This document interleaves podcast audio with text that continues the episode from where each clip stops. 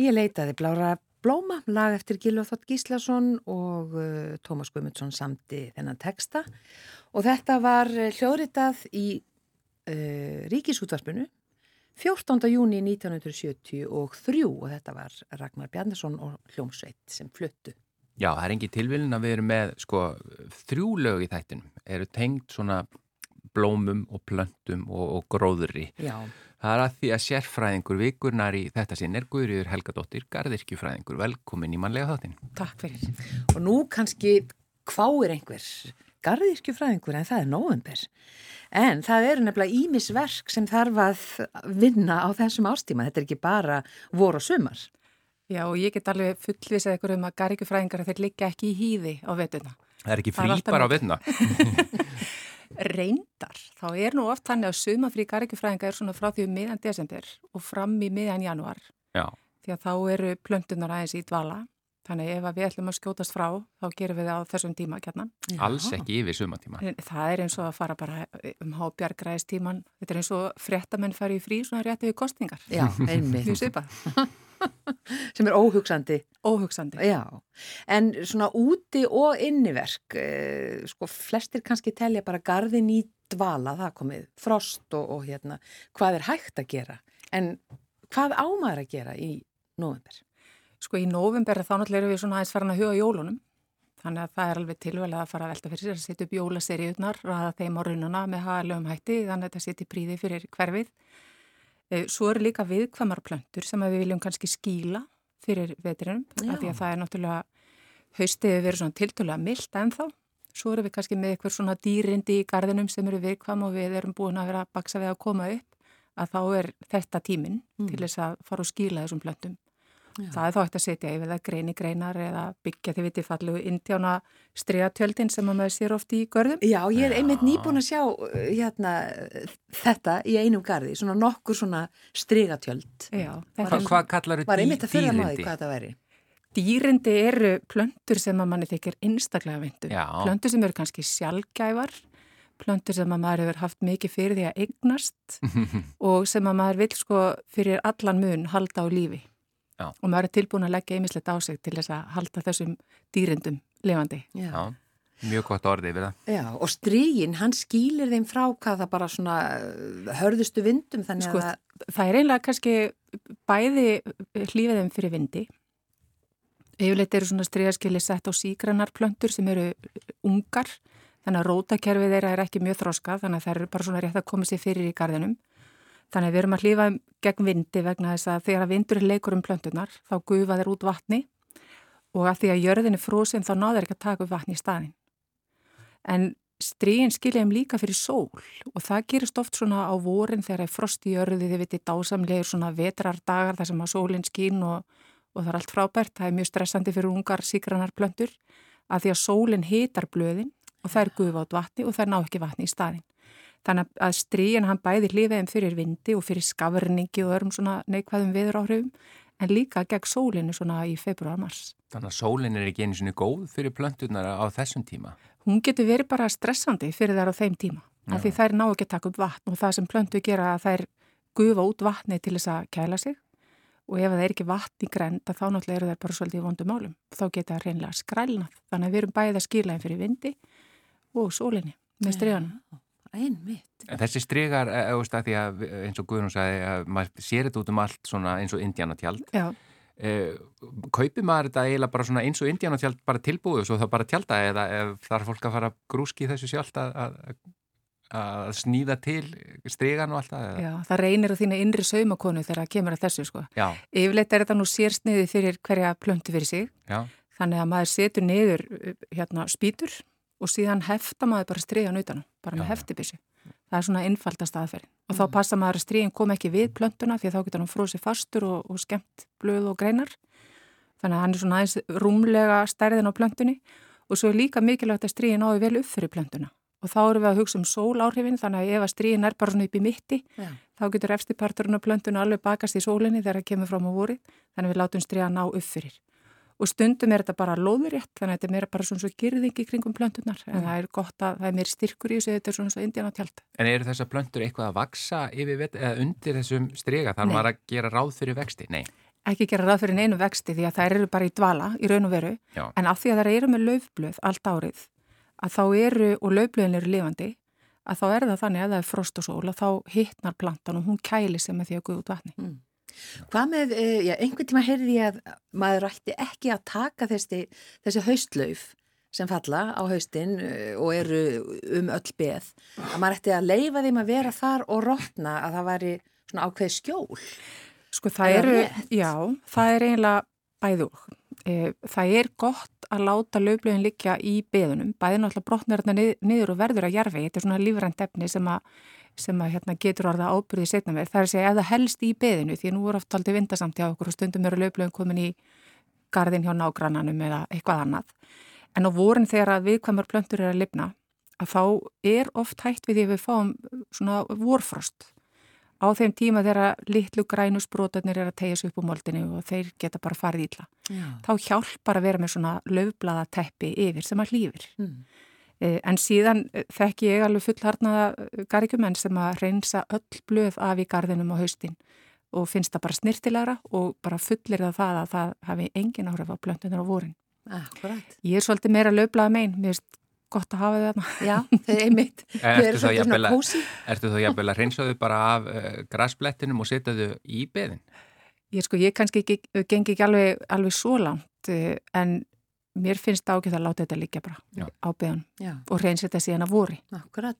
Við ætlum að fara yfir uh, heilmarkar spurningar hér á eftir sem við hefum fengið sendar og tökum bara eitt lag núna áður en við vindum okkur í þær. Já, við höldum okkur við blóma og, og blöndu þemað. Þetta er sólei, þó ég held reyndar að þetta sé bara hvern mannsna í þessu tilviki. En titillagsins uh, minnir okkur á sólei Já. og hún er hérna hjá okkur um Guðriður Helgadóttir Garðirkjufræðingur, sérsfræðingur vikunar.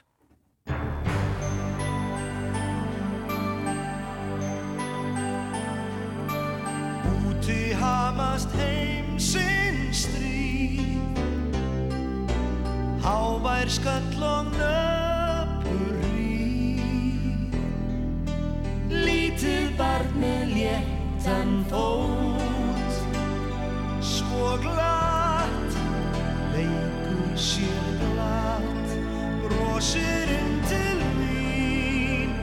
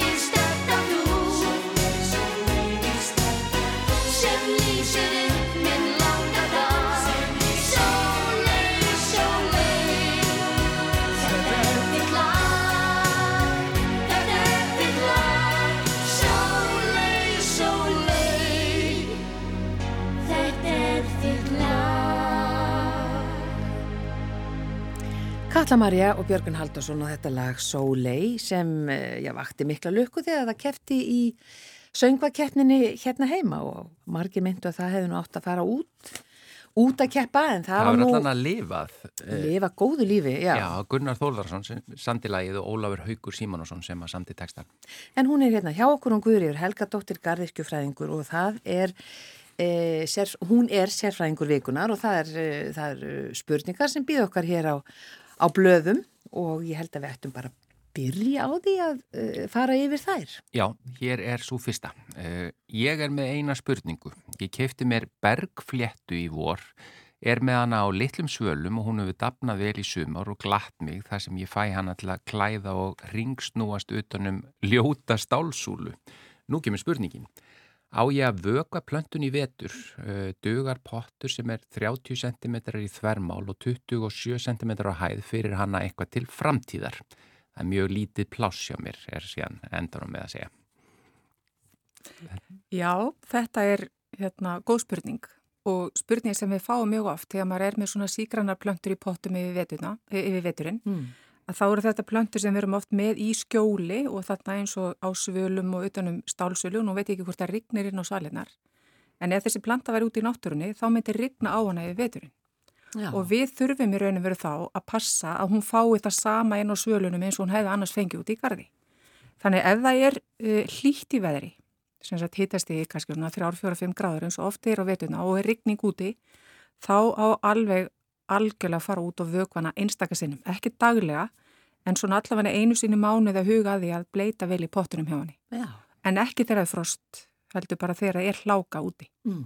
Þannig við erum bara, við erum búin að taka plöntunar úr sínu náttúrulega umhverfi, færa þeir inn á svalinnar og þá reynum við að líka svolítið eftir því hvað, hvaða, hvaða hérna, lífsgæði hefðun var út í gardi. Já.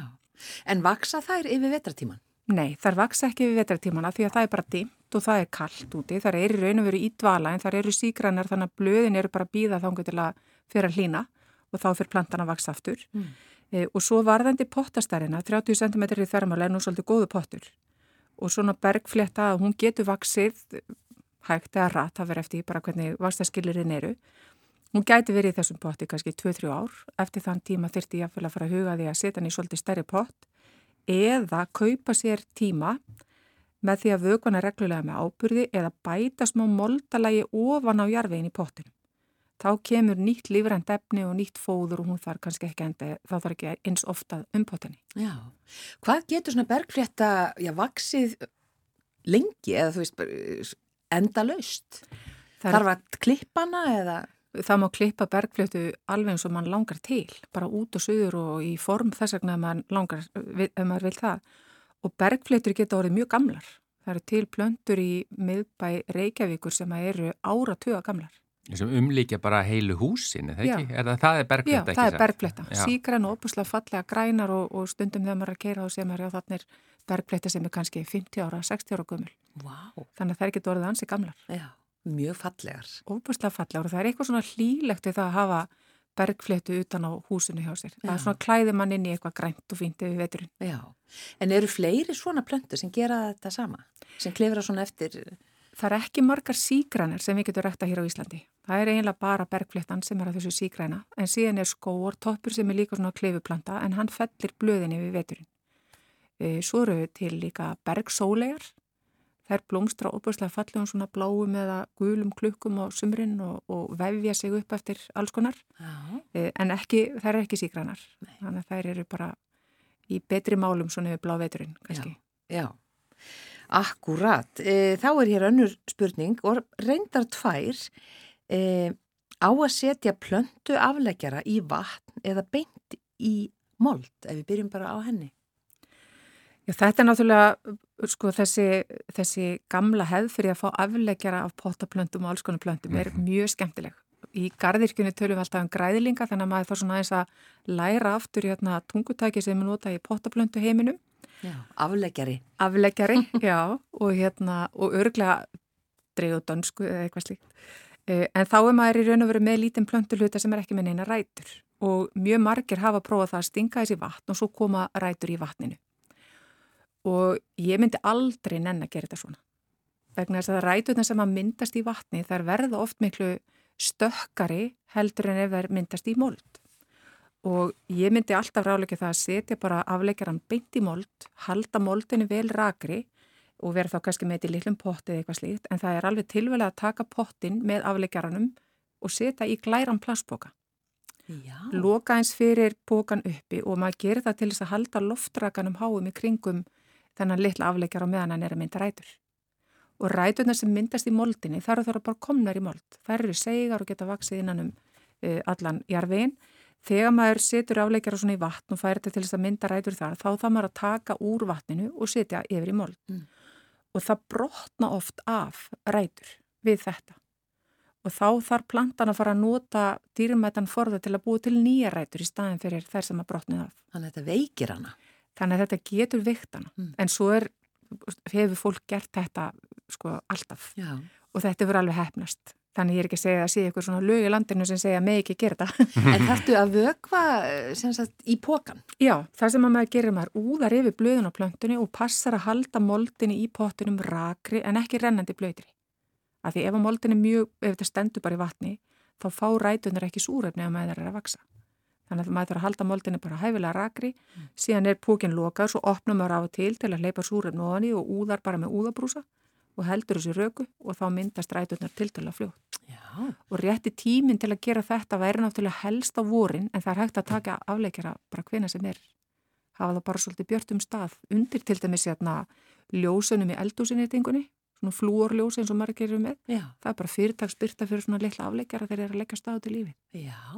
E, er þetta eitthvað sér íslenskt að vera að taka svona afleikjara þegar þetta var bara mjög mikið gert bara því að ég var halast upp þá eru bara afleikjar út um allt hjá öllum eh, Ég held þetta sé alþjóðlegt Já, þetta er alþjóðlegt Algjörlega, já, fólk hefur haft gaman að bæta við sér blöndum og þá náttúrulega er svo gaman þegar maður kemur og heimsækir einhvert sem á flotta blöndu að fá smá afleikjara og, og fara með heim og svo líka bara, ég fekk einu sinni afleikjara af uh, svona novemberkaktusi sem að ég er með heima og ég var unglingur þegar ég fekk hann kaktus uh, hann er ræðilega ljótur en hann, ég myndi þykja svo væntum hann, ég myndi aldrei nokkuð tíma vilja láta hann en ég fekk afleikara og þannig að oft binst maður líka þessum plöntum svona tilfinningaböndum. Hvaðan þeir komu? Hvaðan þeir komu, þú veist hver það var sem maður fekk plöntuna hjá, mm. skiljið, þetta er svona, yeah. þetta er eins og að eiga gæludýr eða eitthvað að eiga svona plöntur heima. Næsta þú, spurning snýrið mitt. Þú ert ennþá með þennan?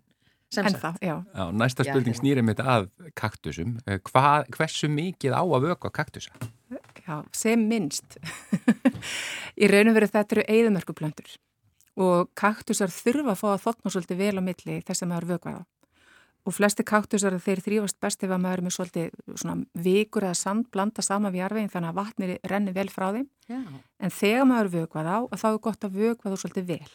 Þannig að maður passa moldin blotni alveg í gegn en svo er gott að láta að þotna vel á milli. Og yfir veturinn náttúrulega er maður mjög lítið að vökva svona blöndur. Ég hugsa að að kaktusennir, svona alvöru kaktusennir mínir, þeir fá nú kannski vökun einu sinni í mánuði við veturinn. Kannski aðeins oftar yfir sumari, kannski svona tveggja þryggja vegna fresti, en ekki mikið oftar en það. Nei. Því ef við ofvökum það og þá eiga þeirra til að bara reynilega morgna verða línir og detta út til liðar. Þannig að þeir vilja fá þóttna vel á milli sem er vökur. En af hverju er þeir með þennan, eða þessa otta? Þetta er bara vörn sjáðu fyrir þér að þú verður nú kaktus út í eðmörkinu og það kemur geit lappandi og ætlar að, að borða allan eða drekka vatni sem þú erst búin að hamstra í vefina. Eina sem þú getur gert sem kaktus í eðmörkinu þarf að vera með nógu voldu að gatta til að verjast beitardýrunum. Þannig að þetta er bara sjálfsvörn. Já. Svo eru óþólandi þessi litlu sem maður sér ekki sem að er endalust að ná úr sér en maður stingur sér það. Já, líka rósirnar, það er oft svona eitthvað sem maður gleymir þegar maður tekur auðvunum. Já, já. Næsta spurning, uh, get ég sett niður sætar kartöblur og hvernig ger ég það? Og svo kemur svona skemmtilegt inn í lokin, takk fyrir góðan þátt, sérstakar hverju til konunar sem hverður á föstutugum. Það er sem Sigurlega Margur. Sigurlega Margur, það er mataspjallið okkar. Já, sætar kartöblur, það er mjög skemmtilegt að prófa að rækta þær. Það er smá fyrirhöfn. Uh, og ég raun og verið byrja maður á því þegar maður ætlar að leggja á stæði svona sæt kartöbluræktun að þá þarf maður að fara út í búð og ná sér í góða sæta kartöblu Síðan er oft gert hann að maður er með svona svolítið gott vasklas, stingur tannstöngglum á fjóra staði inn í sætukartabluna, stillir henni í vasklasið og hefur vatn þannig að neðst í parturinn af sætukartablunni nái neyri vatni. Mm. Og svo þá maður að passa haldinni ragri. Akkur tannstönglar? Er það til að halda henni? Til að halda henni þannig að hún liggi ekki bara ofan í, í glasinu heldur eru tannstönglarnir settið svona inn þannig að hún, hún helst svona eins frá eh, botninum á varsglasinu. Mm. Síðan er maður með hann á svolítið björnum staði, svolítið tíma og það sem gerist á er að það eru brum á kartilunni sem fara að vaksa fram. Þá koma litlar greinar út úr henni mm. og þegar að greina þær eru komnar þá tekum maður afleikjara, stingur í mold og byrjar að rekta kartiluna. Og það sem að gerist með svona sætarkartöflur er að, að þegar að myndast rætur að þá vaksta náttúrulega ræturna niður í moldina og þær þykna og verða svona forðarótum og það eru þessar sætukartöflur sem að við erum að borða. En til þess að þetta gangja þá þurfa þær mikinn hita. Þannig að það er eiginlega nánast, eða það er svona erfitt að gera þetta sko bara við stofi hita því þær þurfa líka meiri raka mm. en ef maður á gróðurhús þá er þetta mjög skemmtilegt verkefni, þá gæti maður til dæmis að vori byrjaði á því að fá fram afleggjarana eða sér að þið viti lillu sprotana á kartablunar mm. innan hús. Síðan þarf maður að koma e, greinunum, afleggjörunum í svolítið stórt ílátt. Það er að vera með mjög stórum potti eða jáfnvel bara í, í stórum svona rektunapókum og þær þurfa svona 24-5 steg að hita og bjartan vaksta stað í 34 mánuði áður en maður getur farið að uppskjara kartablundar.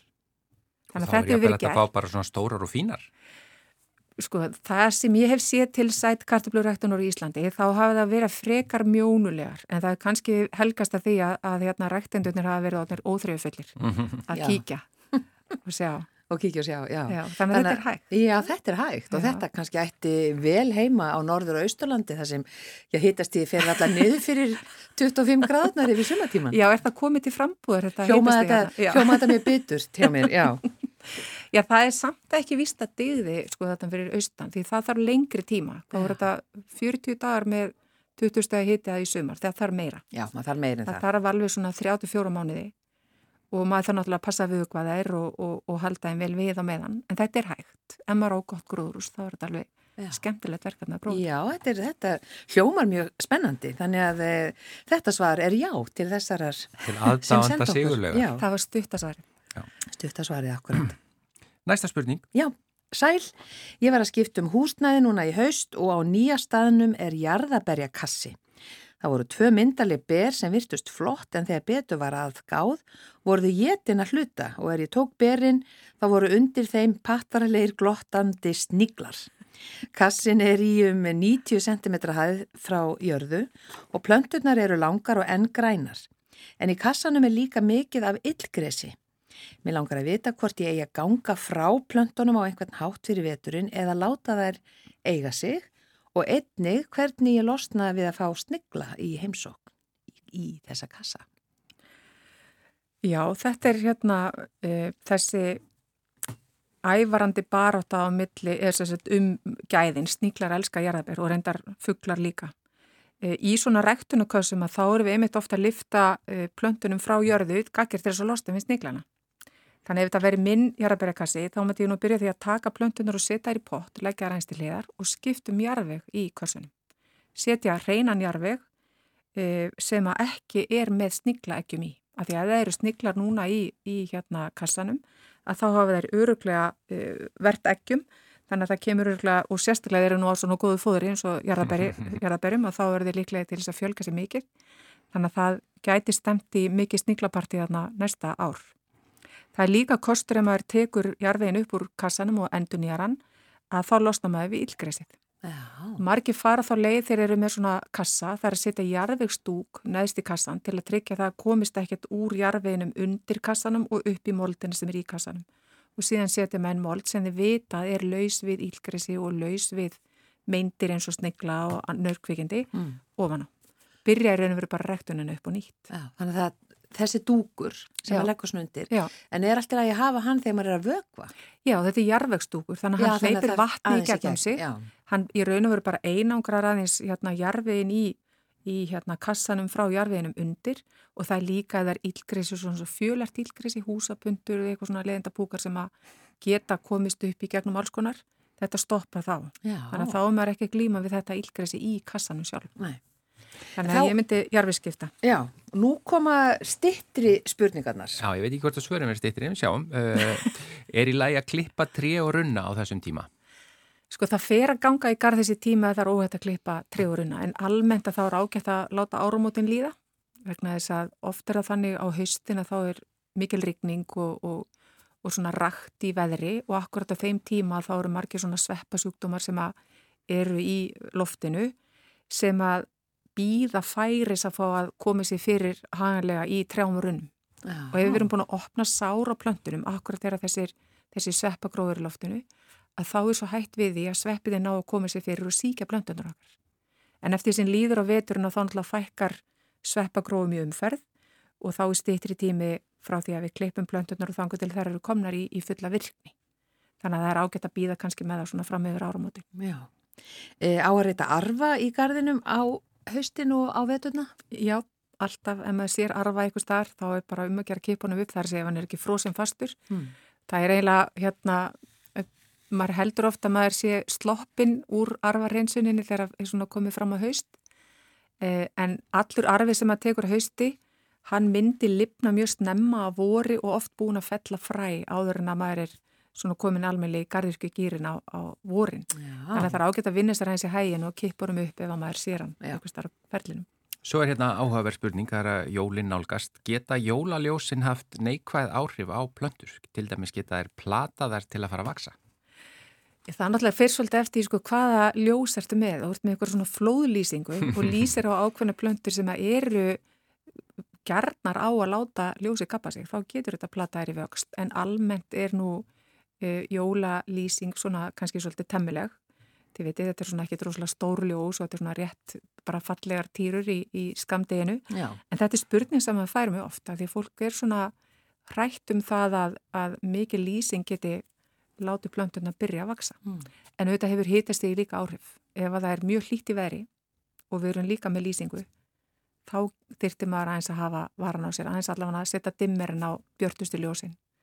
En venjulega er þetta nú ekki kannski mjög hættulegt. Nei. Og þá er það kannski stóra spurningin akkurat á þessum ástíma, maður sér að jólastjarnan er komin í blómaverslanir og, og víðar, en uh, hvernig ámar að halda lífinu í þeim? Það er hér einn spurning og geta þær döga fram að næstu jólum og blómstrað aftur, jafnvel? Sko, jólastjörnur eru runnar í heimkennum sínum og þar blómstrað er alltaf einmitt þegar daginn fyrir að stýta eins og núna. Þannig að til þess að blómstri að þá þarf að vera með alls konar forfaringar það þarf að skikja þeir, það þarf að vera alveg myrkur yfir plöntunum í ákveðin tíma, bara 14 tímar á sólarring og þetta er gert í september yfirleitt í svona garrikjustöðum og það er svona til þess að plata er til að halda þessi alveg að fara að koma blunguna tími og svo eru það náttúrulega ættar þarna frá Mexiko eða þar eitthvað staðar og þar er yfirleitt aðeins lýraði veri heldur en hérna á Íslandi. Hæ? Pínu, nema þarna fyrir norðan þið viti, það sem er jú, alltaf svo lít eh, þannig að vandin er hér hjá okkur að við erum þarna með þessar svona viðkvæmu suðurlegu plöntu og við búum á Íslandi. Þannig að svona áskoran, áskoranauðnar í lífi jólastjörnunar, það er í fyrsta lagi fluttningurinn úr búðinu og heim. Þannig að þegar maður fer og kaupir jólastjörnuna þá þarf við að pakka dúðana áður að maður fer með hana út í kuldan af því ef það er segjum tíustaf frost og skafræningur þá getur hún hreinlega bara farið ítla á leiðinni úr búðinu út í bíl. Já. Þannig er ekki gott að bílinn sé líka mjög kaldur. Þannig að það er betra að hafa svona svolítið hlýtt á hann. Hafa hann í gangi úti á meðan? Já, einmitt og bara hlaupa, þú veist, það er mjög eðlilegt með plöntinu í fanginu. Eh, þannig að það, hún má ekki lendi í kulda. Heima við er líka gott að hafa hann á stað þar sem er ekki dragsúr, ekki við opinglukka, þannig að til að halda hitt á henni. Og síðan er gott að vökvana þannig að maður haldi moldin í rakri en ekki rennandi blöðri og mörgum finnst best að hafa hana bara í skál með vatni, setja vatni í skálina, svolítið vel að vatni og láta hana sjúa vatnið upp í pottin. Já. Og hún stýrið þá sjálf bara? Hún stýrið bara sjálf, að því rætunur eru nú hannar til þess að, að, að vera í þessu verkefni. Ekki að úði við blöðin, þá getur henni orðið kallt, að því við erum líka stundum að vögva með úfköldu vatni, Já. þannig að þá fer hún bara sjokk og, og, og fellir blöðin. Og það er útrúlega svekkjandi þegar maður er með falla í jólastjörnu og á aðfangadag er hún orðin svona svo bara ég veit ekki, eins og bara eitthvað plöndur hæ. Já. En svo varandi það að láta þær döga fram að næstu jólum að þær verða runnar í heimkynum sínum, alveg metra og hæð og opuslega stórar og miklar og flottar og það er alveg til dæmi þess að fólk hafi haldið lífi í svona plöntum árum saman en til þess að hún blómstri aftur þá þarf maður að fara að vera með æfingar með svart plast í 14 klukkutíma í 6 vikur eða hvaðan verið á haustin það er mjög fáir sem enna því. Já, já mikið, ef að segja, vesen. Þetta er svona, já, þetta er, þetta er kannski fyrir svona þá sem eru komni mjög langt í, í, hérna, í potablöndu bransanum. Já, mér har aldrei, ég ætla bara að segja það bara, mér har aldrei tekist að halda jólastjórnu á lífi. Nei. Bara ótrúlega leiðilegt, en ég veit ekki, ég held að ég sé að vöku of mikið. Það er algengu döðda í svona blanda. Já. Akkurat. Já. En tíminn uh, líður hægt. Einn ein hérna, uh, já, sjáum hvað við náum. Sjáum hvað við náum. Er á seint að setja niður haustlauka? Má rækta þá í pottum? Sko, ef að maður fær eitthvað starf haustlauka í búðu núna, þá er allt í lagi að setja á niður og þeir munu vaksa upp í vor. Ég er bara, ég er að tala af persónleiri reynslu. Já. Þetta er betra að setja á niður bara fyrr og þarf oft að tala um svona mánáðamótin september-oktober en þið bara farið ekki lengra með það en ég setti niður, niður haustlaugana mína í janúar, þeir glemdust og þeir voru gullfallegi. Þannig að það er hægt. eh, annað, eh, þarf að vögva plöntur í kerjum utan hús yfir vetratíma? Já, það er raun og verið kannski sama með bergfléttuna hérna áður. Ef við erum með fjölara plöntur sem eru á stað þar sem að rignir aldrei von í potana, að þá er gott að hafa það í huga að, að vögva kannski svona svo einu sín í mánuði í potana til að halda raka á rótun. Mm. Þannig að það er hreinlega skræln ekki við veturinn. Og ein hérna örstutt er í læja hellulegja á veturna. Já, ef það er ekki frost í jörði, þá er bara um að gera að fara út og hellilegja. Mm. Já. Engin afsökun. Það er bara mælikvarinn. En, en eini viðbútt að því sé að við náðu því, eh, hversu mikið á að vöka pottaplöntur innan hús á þessum ástíma? Þetta er nú kannski eitthvað sem allir vilja heyra um. Já, þetta er, nú er fyrir hönds á tími það sem er myrkur og það er lítill vöxtur í plöntunum og það er þurfa ekki mikið vatn. Þannig að maður á að vöka lítið á þessum tíma eh, og passa að vöka aldrei með köldu vatni. Það er mjög algjörnd að fólk er að vökva þessum tíma vökva mikið og vökva með köldu vatni þá komur svona svarti blettir í blöðin og mm. plönturna verða bara svektar og fúlar. En hvað er að tala um einu sinni viku eða? Við erum að tala um kannski hálfsmánaða fresti maks. Já. Svona þessar algengustu. Svona þessar algengustu, já. já. Það er svo lítið að gerast í en það er ekki að vaksa. Það er að nota lítið vatn, það er líka myrkur þannig að það er lítil útgufum frá plöntunum. Þannig að ef maður er að vökva allt og mikið þá maður reynlega bara að reyna að drekja því. Það er ekki fallegt. Nei. Mm. Þetta var aðtiklisvert. Já, Guðrýður Helgadóttir, Garðirkjufræðingur, þakka þér kellega fyrir að vera eh, sérfræðingur þáttarins í þetta sinn. Já, bara takk fyrir að fá að vera með ykkur eða.